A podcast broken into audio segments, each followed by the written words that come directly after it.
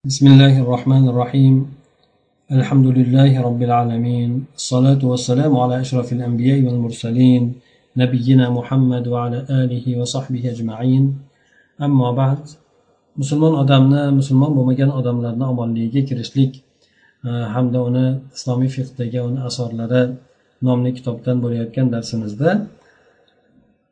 ummu salama onamizni hijrat habasistonga bo'lgan hijrat qissalarini aytib berayotganligida davom etayotgan edik hamda u kishi o'tgan safar darsimizda aytib o'tgan qissalaridan makkaliklar habasistonga hijrat qilib borgan boshpana so'rab borgan muhojirlarni qaytarishlikka ikki odamni yuborganligi ularga hadoyalar berganligi hamda hop najjoshiydan esa ularni ular bilan suhbatlashmasdan turib ularni gapini eshitmasdan turib makkaga biz ularga o'zlariga qo'shib turib makkaga jo'natishligini talab qilishganligi hamda najoshiy esa bunga muxolif suratda o'zini adolatni barpo qilayotgan kimsa e, suratida ularni chaqirib turib ulardan ham e, ularga nisbatan aytilgan tuhmatlarni qanchalik haq nohaq ekanligini e, bir qator bilishlik shu narsalardagi bo'lgan qissasi bo'lib o'tgan edi. Ana o'shandan keyin e, jafar ibn abu tolib islom dinini fazilatlari to'g'risida johiliyatdan taqqoslagan suratda e, din asoslarini e, xabarini beradi. Ana undan keyin najoshiy esa ulardagi bo'lgan ularni bergan xabarini tinglab turib bu narsalardan ta'sirlangan holatda yig'lab hattoki soqollari ho'l bo'lib ketadi. Keyin keyin sizlar bu yerda yuraveringlar hech qanaqangi sizlarni topshirib qo'ymayman deb ularni ko'nglini xotirjam qiladi ana o'shandan keyin ummu salama onamiz aytadilarki فلما خرج من عنده قال عمرو بن العاص والله لأنبئنه غدا عيبهم عنده ثم أستأصل به خبراءهم قالت فقال له عبد الله بن أبي ربيعة وكان أتقى الرجلين فينا لا تفعل فإن لهم أرحاما وإن كانوا قد خالفونا قال والله لأخبرنه أنهم يزعمون أن عيسى ابن مريم عبد أم سلمة onamiz aytadilarki ikkalalari ya'ni amr ibn os bilan abdulloh ibn abi robia najjoshiyni huzuridan chiqib ketishgach amr ibn os aytdiki allohga qasamki men ertaga najjoshiyni huzurida albatta o'sha Ehm, boshpana so'rab kelgan kimsalarni ayblarini xabarini albatta albatta beraman dedi. Beraman so'ng esa ularni jamoasini tag tugi bilan yo'q qilaman dedi. Shunda musulmon onamiz yana gapini davom ettirib aytadilarki abdulloh ibn abi robiya aytdiki u yoqqa bu ikkalari biz boramizda bu kishi abdulloh ibn abi robiya ikki kishini eng taqvodorroq edi. Har qalay xudodan qo'rqadigan edi biz boramizda ja unaqa e, rasvolik holatigacha ketib qolmagandi degan mazmunda aytdilar. La tafal e, aytdiki ya'ni bunday ishni qilmang. E, ularni takti bilan yo'qotib yuboradigan narsalarni aytmang bu yerda. Chunki ularni qarindosh urug'lari bor garchi bizga muxolif bo'lsa ham bu din borasida muxolif bo'lsa ham lekin ularni qarindosh urug'chiligi bor o'zimizga makkaliklarga dedi. Shunga qaramasdan amr ibn aytdiki allohga qasamki albatta men xabarini beraman. Bular iso ibn maryamni bir banda deb aytayotganligini xabarini beraman. Bular xristianlar nasoronlar esa buni xudo xudoni o'g'li deb aytishardi. Bular esa banda deb aytadi. Men mana shu narsani najjoshiyni oldida ko'taraman deb aytadi. قالت ثم غدا عليه الغد فقال له أيها الملك إنهم يقولون في عيسى بن مريم قولا عظيما فأرسل إليهم فاسألهم عما يقولون فيه قالت فأرسل إليهم يسألهم عنه قالت ولم ينزل بنا مثله فاجتمع القوم فقال بعضهم لبعض ماذا تقولون في عيسى إذا سألكم عنه قالوا نقول والله فيه ما قال الله وما جاء به نبينا كائنا في ذلك ما هو كائن. فلما دخلوا عليه قال لهم ما تقولون في عيسى عيسى بن مريم؟ فقال له جعفر بن أبي طالب نقول فيه الذي جاء به نبينا هو عبد الله ورسوله وروحه وكلمته ألقاها إلى مريم العذراء البتول. musulmon onamiz aytadilarki so'ng ertasiga amr ibn os hamda abdulloh ibn robiya najjoshiyni huzuriga kelishdi. Aytishdiki ey podshoh bular iso ibn maryam haqida juda buyuk ulug' e, gapni aytadi qattiq gapni aytishyapti aytishadi ular ularga odam yuboring. Iso alayhissalom haqida nima deyishligi haqida so'rab ko'ring. Musalom onamiz gapini davom ettirib aytadilarki najjoshiy ularga odam yuborib ular haqida so'radilar. So'rash uchun odam yubordilar. Musulmon onamiz aytadilarki yana bizga bunga o'xshagan holat tushmagan edi. Judayam bir qiyinchilik holatda qoldik. Ana o'shanda qavm ya'ni muhojirlar jamlanishdi.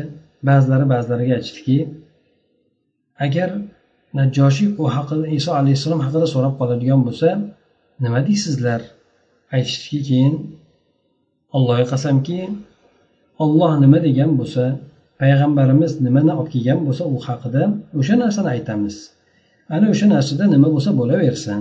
Keyin ular najjoshiyni oldiga kirishgach najjoshiy ulardan isa ibn maryam to'g'risida nima deysizlar? dedi. Jafar ibn abi tolib roziyallohu anhu najjoshiyga qarata aytdiki biz u kishi borasida payg'ambarimiz sollallohu alayhi vasallam olib kelgan narsani aytamiz. U kishi allohni bandasi hamda rasuli va ruhi alloh taolo bir kelgan ruhi hamda alloh taoloni bo'l deb aytganda bo'lgan kalimasidir. Uni maryam onamizga alloh taolo tashlagan o'sha kalimasini. Azro ya'ni pokiza bo'lgan batul ya'ni iffatlik shunaqangi e, bir pokiza bo'lgan bokira bo'lgan maryam onamizga tashlagan kalimasidir javob qildi. قالت فضرب النجاشي يده إلى الأرض فأخذ منها عودا ثم قال ما عدا عيسى بن مريم ما قلت هذا العود فتناخرت بطارقته حوله حين قال ما قال فقال وإن نخرتم والله اذهبوا فأنتم سيوم بأرضي والسيوم الآمنون من آمنون من سبكم غرم من سب ثم من سبكم غرم ثم من سبكم غرم. فما أحب أن لي دبرا ذهب وإني آذيت رجلا منكم. والدبر بلسان الحبشة الجبل ردوا عليهما هداياهما فلا حاجة لنا فيها. فوالله ما أخذ الله مني رشوة حين رد علي ملكي فآخذ الرشوة الرشوة فيه. وما أطاع الناس في فأطيعهم فيه umi salama onamiz yana qissalarni davom ettirib aytadiki najjoshiy qo'lini yerga urdilar hamda yerdan bir novdani oldilar so'ng aytdiki iso ibn mari iso alayhissalom sizlar aytayotgan narsadan mana shu novdachalik ham o'tib ketmagan ya'ni sizlar aytayotgan narsa ayni haqiqat bo'lgan narsa Shunda u kishini atrofida turgan ayollari najjoshiy aytgan gapini aytgan paytida burunlaridan dimoqlaridan ovoz chiqarishdi. Ya'ni e'tiroz bildirgan holatda taajjublanib ovoz chiqarishdi. Negaki bular iso alayhissalomni ollohni o'g'li deb aytishar edi najjoshiy shunda agarchi sizlar burunlaringizdan ovoz chiqarib taajjubni izhor qiladigan bo'lsalaringiz ham bu mana shu narsa shu narsadir. Ollohga qasamki sizlar boringlar sizlar meni yerimdagi omonlik odamlar sizlar omonlikdasizlar suyum degani demak omonlikda bo'lgan kimsalarni aytar ekan. Sizlarni kim so'kib haqorat qiladigan bo'lsa ozor beradigan bo'lsa u jazoga tortiladi yoki jarima beradi deb buni uch marta takrorlagan ekan. Yana aytgan ekanki men o'zim uchun bir qovog'aridek bir tillani bo'lishligini yaxshi ko'rmayman. Men sizlardan bironta bir odamni ozorlab qo'ygan holatda ozorlagan holatda men uchun bir tilla berilishligini ham xohlamayman. Kim tilla beradigan bo'lsa ham sizlarga hech qanaqangi ozor bermayman degan mazmunda gapni aytdilar. Dabru degani hop arab tilida e, qog'ari deb keladi. E, bu asli habashistonlarni tilida esa tog' ma'nosida ekan. Shuning uchun najoshiyni aytgan gapi tog' barobaridagi tilla bo'ladigan bo'lsa ham sizlardan birontanglarni ozorlab qo'ymayman. Birontasi tog' barobar tilla beradigan bo'lsa ham sizlarga hech qanday ozor bermayman. Bu narsa meni ajablantirmaydi men uni yaxshi ko'rmayman deb aytgan ekan. Keyin o'zini ayollariga xitob qilib ularga hadyalarni qaytarib beringlar. Biz uchun bu hadyalarda hech qanaqangi hojat yo'qdir. Allohga qasamki alloh taolo menga mulkimni qaytarib bergan paytda mendan porani olmagan. Men ham porani olishligim uchun alloh taolo mendan hech qanaqangi pora olmagan. Odamlar odamlar meni boramda odamlarni e, nima narsada itoatli qildirib qo'ygan bo'lsa yoki odamlar meni boramda nimada itoat qiladigan bo'lsa ha men odamlarga o'sha narsada itoat qilaman. Ya'ni odamlar menga nima deb bo'ysunishadigan bo'lsa men ham odamlarga o'sha men ular bo'ysunayotgan narsada bo'ysunaman. Ya'ni adolat qilishlik borasida deb aytgan ekan. قالت فخرج من عنده مقبوحين مقبوحين مقبوحين مردودا عليهما ما جاء بهم به وأقمنا عنده بخير دار مع خير جار قالت فوالله إنا على ذلك إذ نزل به يعني من ينازعه في ملكه قالت فوالله ما علمنا حزنا قط كان أشد من حزن حزناه عند ذلك تخوفا أن يظهر ذلك على النجاشي فيأتي رجل لا يعرف من حقنا ما كان النجاشي يعرف منه umi salom onamiz yana qissalarni davom ettirib aytadiki ikkalari najjoshiyni huzuridan yuzlari xunuk bo'lib olib kelgan narsalari ularga qaytarilgan holatda chiqishdi biz esa yaxshi diyorda yaxshi homiy bilan himoya qiluvchi bilan birgalikda yashab turdik Yana musulmonamiz qissalarni davom ettirib aytadiki allohga qasamki biz shunday bo'lib turgan holatimizda birdan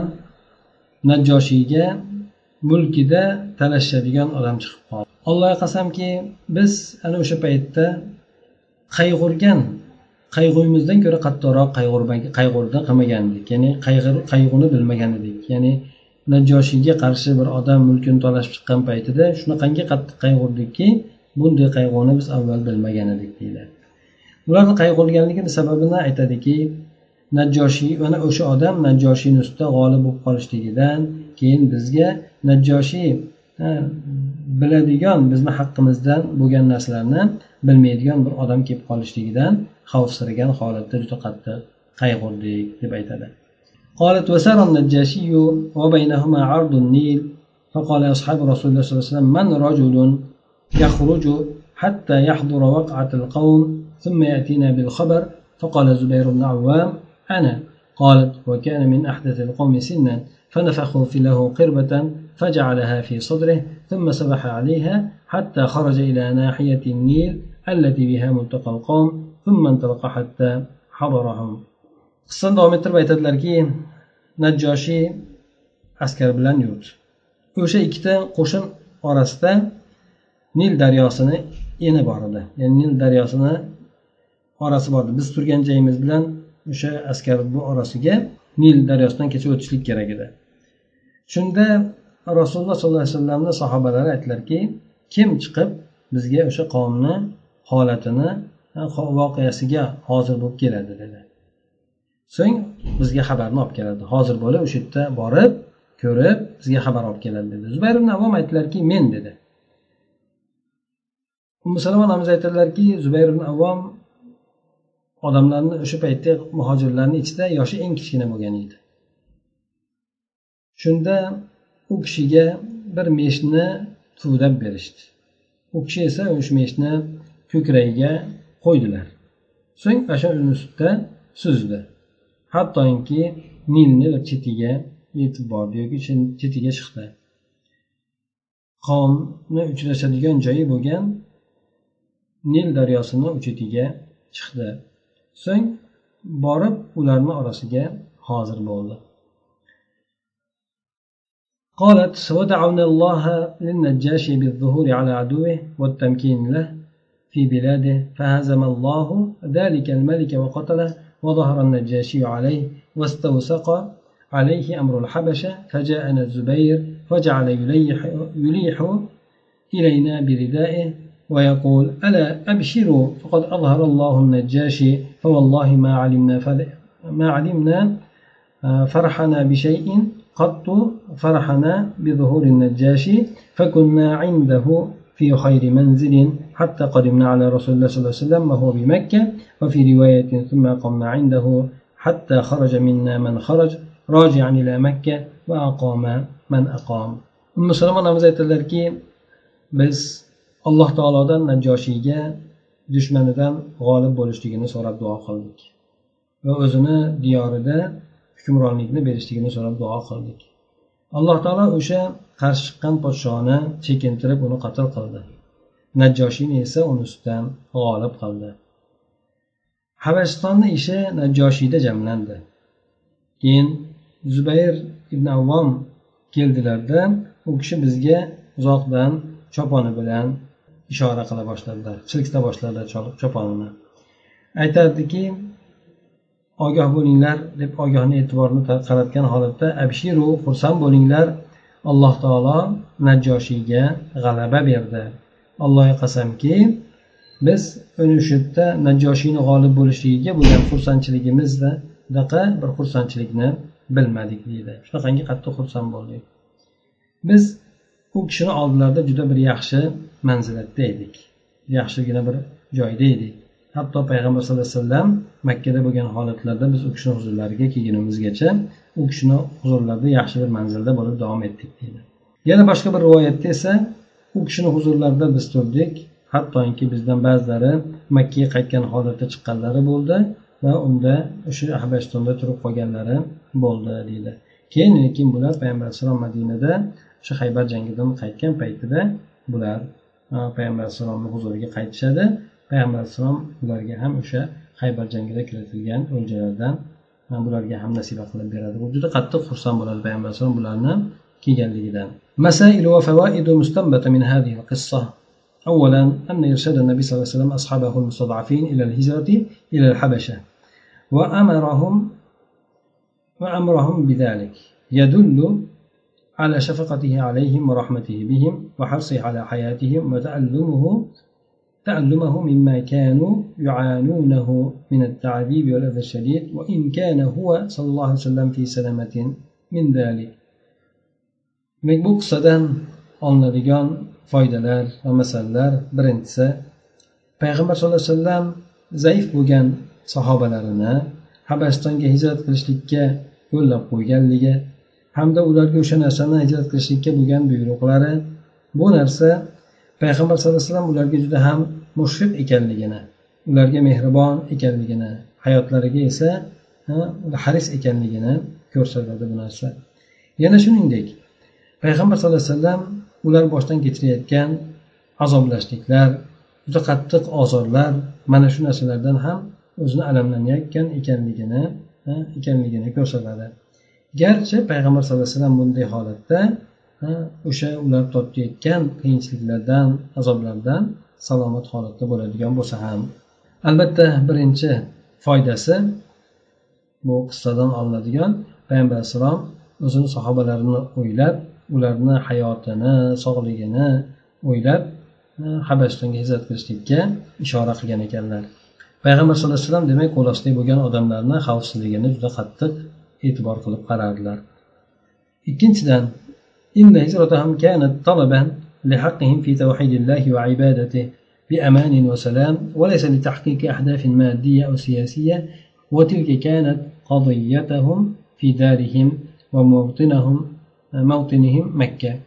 فلم يكن غرضهم المنازعة على السلطة فيها ولا المغالبة على أمر الولاية عليها لهذا هان عليهم تركها وإن كانت أفضل بقاع وأشرفها لأن وطن المسلم حيث يتمكن من عبادة ربه والأمن على نفسه ikkinchidan bu muhojirlarni hijrat qilishligi bular alloh taoloni yolg'izlashlikdagi bo'lgan haqlari hamda omonligu xotirjamlik bilan ibodat qilishlikdagi bo'lgan haqlarini talab qilganligidan bo'lgan edi. Ularni hijrati demak diniy talab bo'lgan edi. Ular moddiy bo'lgan yoki siyosiy bo'lgan maqsadlarni ro'yobga chiqarishlik uchun bo'lmagandi ularni hijrati. Mana bu narsa esa ularni hovlilari diyorlari va makka bo'lmish vatanlaridagi muammolari bo'lgan edi.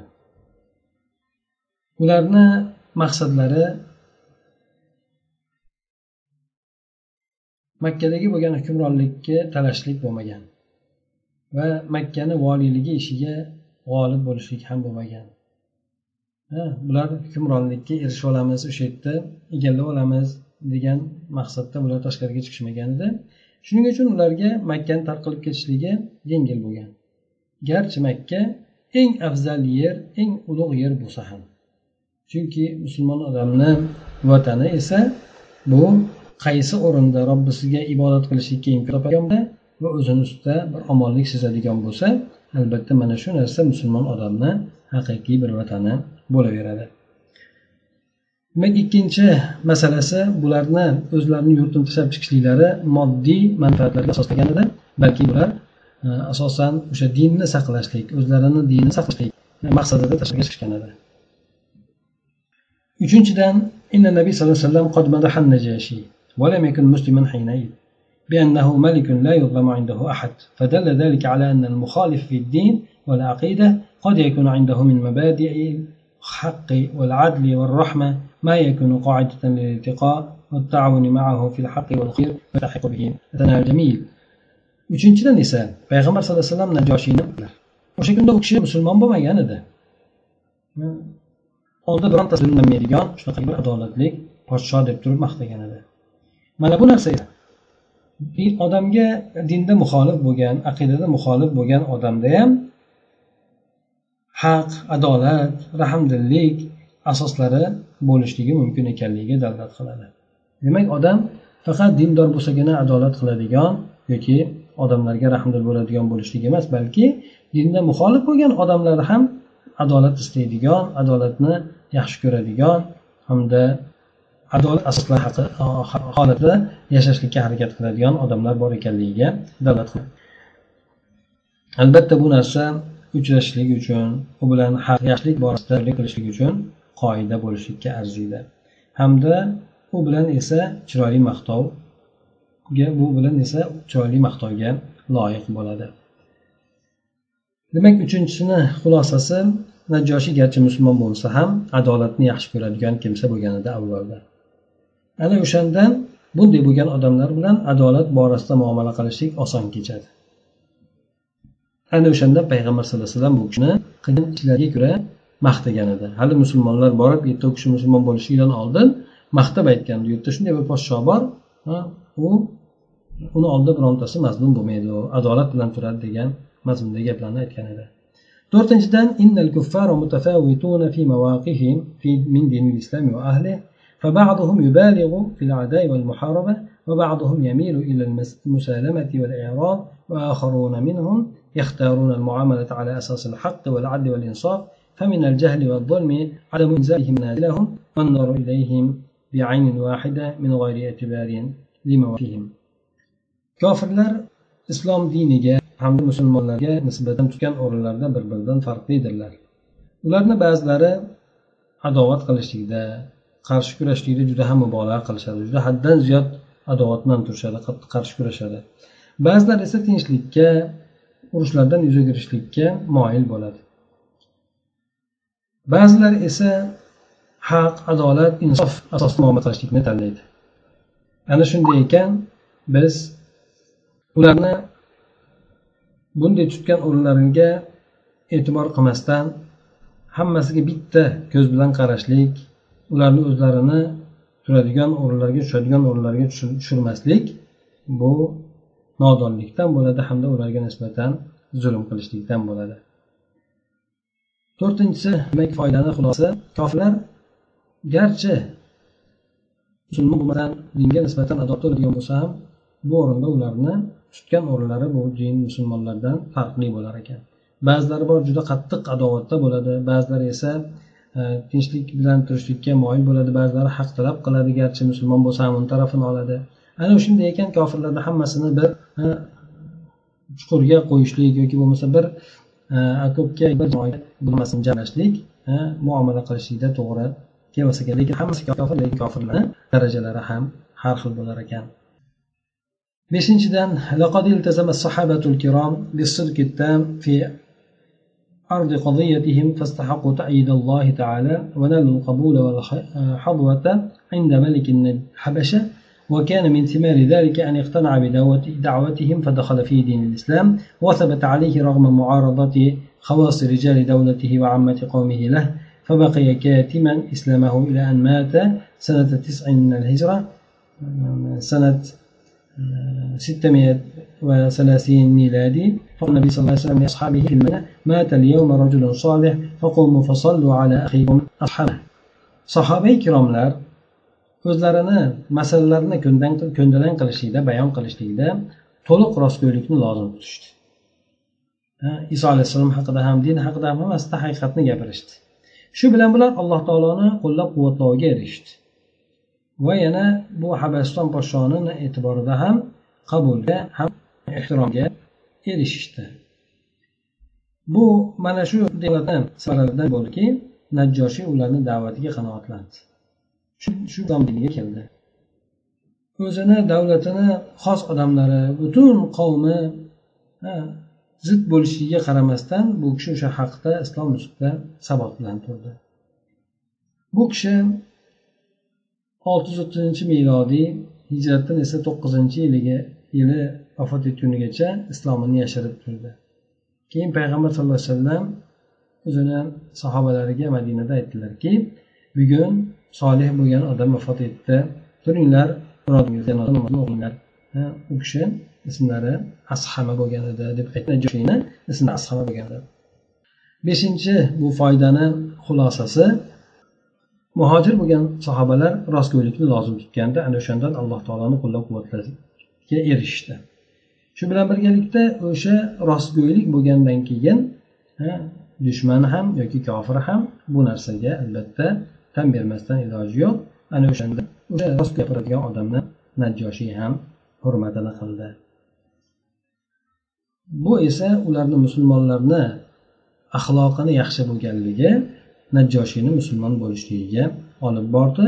Garchi u kishini butun davlatiyu ayollari musulmon bo'lmasa ham islomga qarshi turgan bo'lsa ham. Ana undan keyin payg'ambar sallallohu alayhi vasallamni qilgan e, najoshiyni qilgan ishlariga u kishini maqtovlariga ham sazovor bo'ldi. Bular g'oyibona janoza namozini ham o'qidilar. Janoza namozini o'qiganligini olimlar sabablarini turli keltirishadi. Shulardan birisi najoshiyga o'sha joyda janoza namozini o'qiydigan odamni bo'lmaganligi deb e, keltirib o'tishadi. Oltinchidan esa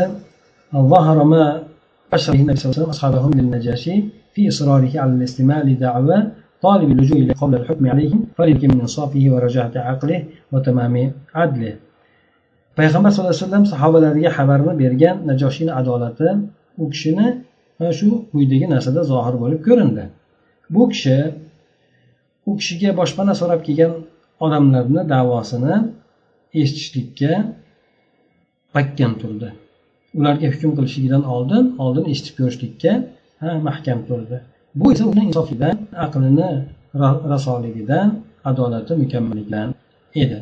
Adolatli bo'lgan odam kim bo'lishidan qat'iy nazar unga nisbatan adolatlik o'rinda turadi. Kofirmi musulmonmi hammaga nisbatan demak adolat bilan turoladigan odam bu odamni haqiqatdan adolatli odam deb aytsa bo'ladi. Yettinchidan esa jafar ibn abi tolib بين النجاشي تضمنت على وجازتها تعريفا جامعا لأصول الدين وقواعد فاصله الكلية وأول ذلك وأهمه توحيد الله تعالى في العبادة والبراءة من الشرك وأهله واشتمال الدين على ما فيه صلاح النفس وتزكيتها وحسن المعاملة مع الخلق ويظهر فضل ذلك بتلك المقارنة التي ذكرها بين قبائح الجاهلية ومحاسن الإسلام. E, jafar ibn roziyallohu anhu aytgan so'zlari najoshiyni huzurida aytgan so'zlari bu qisqa bo'lishiga qaramasdan din usullari qoidalari uning to'liq maqsadlarini o'z ichiga jamlovchi ta'rif bo'ldi. Bularni eng birinchisi eng muhimi alloh taoloni ibodatda yolg'izlashlik hamda shirk mushriklardan bezor bo'lishlik mana shu narsa edi. Shuningdek din o'zini ichida nafsni solih bo'lishligi bog'lashlikni ham o'z ichiga olganligi odamlar bilan muomalani go'zal bo'lish go'zal muomalada bo'lishlik mana shu narsalarni o'z ichiga olganligi ham o'shani samarasidandir. Bu narsani fazilati jafar ibn abi tolib sanab o'tgan johiliyat xunuk ishlari hamda islomni go'zal ishlari o'rtasini bunday solishtirib aytib o'tgan taqqoslama orqali qiyoslama orqali bu narsalar ko'zga tashlanadi. jafar ibn abi tolib aytib o'tdilar biz johiliyatda bunday bunday holatda edik islom kelib mana bunday bo'ldi mana bunday bo'ldi deb aytib o'tadi chiroyli suratda gapni tartiblab gapirishlik bu yerda ancha qo'l keladi foyda beradi sakkizinchidan التوصل إلى الملك بذكر ما وقع عليهم من الظلم والحيف وباختيار له على من سواه طمعا في جواره ورجاء لعدله وإنصافه podshoga ularni ustiga voqe bo'lgan zulm jabr mana shu narsalarni zikr qilishlik hamda ular o'sha podshoni boshqalarni ustida ixtiyor tanlaganliklarini zikr qilishlik bilan vosita qilishlik. Bu narsada albatta uni himoyasidan umidvorlik bor edi adolat insofidan umid qilinar edi. Mana shunday bo'lgan o'rinda podshoga o'zi ko'rgan zulmlarni aytib undan himoya olishligini joizligi ko'rsatadi bu narsa. to'qqizinchidan من حسن المعاملة وطيب الإقامة على وجه الوفاء والثناء والإعتراف الجميل bular muhojir bo'lgan sahobalar o'zlari ana shu yerda yo'liqqan chiroyli muomalalar yaxshi yashab turishlik mana shu narsalarni vafo qilishlik joshiga maqtashlik hamda qilingan yaxshilikni e'tirof etishlik borasida zikr qilishardi maqtab aytishadiki demak bu narsa o'zlari o'sha ko'rgan bilgan yoki his etgan yaxshiliklarga vafo qilishlik o'sha yaxshiliklarni e'tirof etishlik maqsadda aytib o'tayotganligini aytilyapti o'ninchidan ودلت هذه القصة على جواز دخول المسلمين في أمان غير المسلمين والالتجاء إليهم طلبا للحماية إذ دعت الحاجة إلى ذلك وهذا مشروط بلا ريب بأن لا يكون على وجه المناصرة من الإسلام والمؤمن ألا يكون في إقامته بينهم إضرارا بدول المسلمين ومصالحها فلا يتخذ البلد الذي لجأ إليه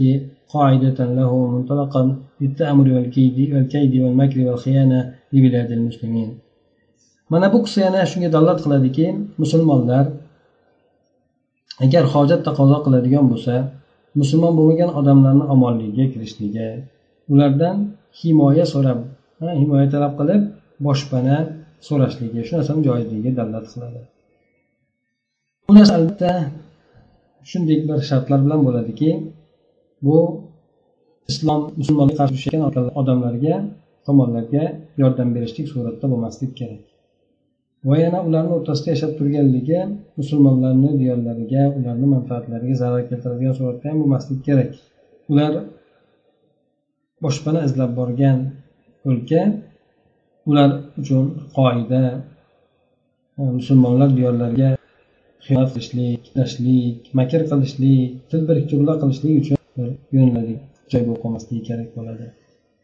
Demak mana bu o'ninchisini xulosasi. Albatta musulmon bo'lmagan odamlardan boshpana so'rashlik agar holat sharoit taqozo qiladigan bo'lsa joiz mana shunga dalolat qilyapti. Bu narsa albatta shu sharti bilanki u odam yerga borgan holatda musulmonlarni zarariga ishlamaslik kerak. Va yana o'sha joyda musulmonlarga qilinadigan yomonliklarni qo'l qilmasligi kerak. قال ابن حزم رحمه الله وأما من ثر إلى أرض الحرب لظلم خافه ولم يحارب المسلمين ولا أعانهم عليهم ولم يجد في المسلمين من يجيره فهذا لا شيء عليه لأنه مضطر ومكره وقد ذكرنا أن الزهر أن الزهري محمد بن مسلم بن شهاب كان عازما على أنه إما هشام بن عبد الملك لحق بأبي الروم لأن الوليد بن زيد كان نذر دمه إن قدر عليه وهو كان الولي بعد فمن كان فهو معذور ibn hazim rahimalloh aytadilarki ammo endi dushman yeriga qo'rqayotgan xavfsirayotgan zulmidan qo'rqib zulmdan qo'rqib qochib borgan odam to'g'risida dushman yeriga bo'layotgan zulmdan qochsa. Lekin musulmonlarga qarshi urushmasa musulmonlarga qarshi ularga yordam bermasa musulmonlarni ichida ketishligidan oldin unga himoya bergan odamni topsa mana bunday bo'lgan odamga zarari yo'q boradigan bo'lsa. Chunki odam majbur ana o'shanga mukrohdir ya'ni zo'rlangandir o'sha holatdan boshqa iloji yo'q. Bizga aytadiki aytiladiki yoki biz aytganmizki imom zuhriy bu kishini ismlari muhammad ibn muslim ibn shihob agar xalifa hishom ibn abdulmalik vafot etadigan bo'lsa rum yeriga borishga degan hishom ibn abdumalikdan keyin keladigan valiat valid ibn yazid bu zuhriyni qonini nazr qilgan ekan. Agar qodir bo'lsam shu olsam o'ldiraman deb nazr qilgan ekan. U esa ishomdan keyin voliy bo'ldi. Kim mana shunday holatga bosh tushib qoladigan bo'lsa u odam ma'zur bo'ladi deb aytgan ekan. Demak inson har xil holatlarga majbur bo'lib qolishligi mumkin. Ana o'shalardan biri. Demak dushman yerga ham inson borishlikka majbur bo'lib qoladi. Sababi o'zini yerida qattiq zulm ko'rishligi zulmga qarshi yordam berishligi imkoniyatlari bo'lmaganligi. Mana shunday holatlarda inson boshpana so'rab borishligi garchi musulmon diyori turgan bo'lsa ham boshpana so'rab borishligini zarari yo'q deb turib ibn hazm aytgan ekanlar. Lekin bu yerda valid ibn abdumalik yazid bu hech qancha turmasdan bir yil xalifalikda turib vafotlari ekan qatl qilinar ekan bu ham umaviylardan bo'ladi. Gunohlarga ketgan bulardan tiyilishlikni o'ylamaydigan shunaqangi bir fasod shunaqa narsalarga berilib ketgan bo'lganligidan muslimni e, ya'ni imom zoriy muhammad ibn muslim ibn shihob bu kishi ko'p nahiy munkar qilib qaytarar ekan. Ana o'shandan bunga yoqmasdan agar men ushlab olsam yoki xalifa bo'lsam uni albatta o'ldiraman deb nazr qilib qo'ygan ekan. Ana o'shandan e, zuhriy mana shu gaplarni e, aytgan ekan. Ya'ni agar hishom vafot etadigan bo'lsa deb. Lekin bu valid ibn yazid hech qancha turmasdan vafot etadi. Yana musulmonlarni holati yaxshi bir xalifani qo'liga o'tadi.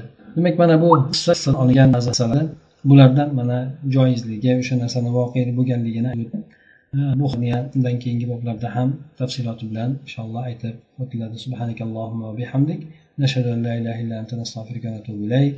اللهم انفعنا بما علمتنا وعلمنا ما ينفعنا وزدنا علما.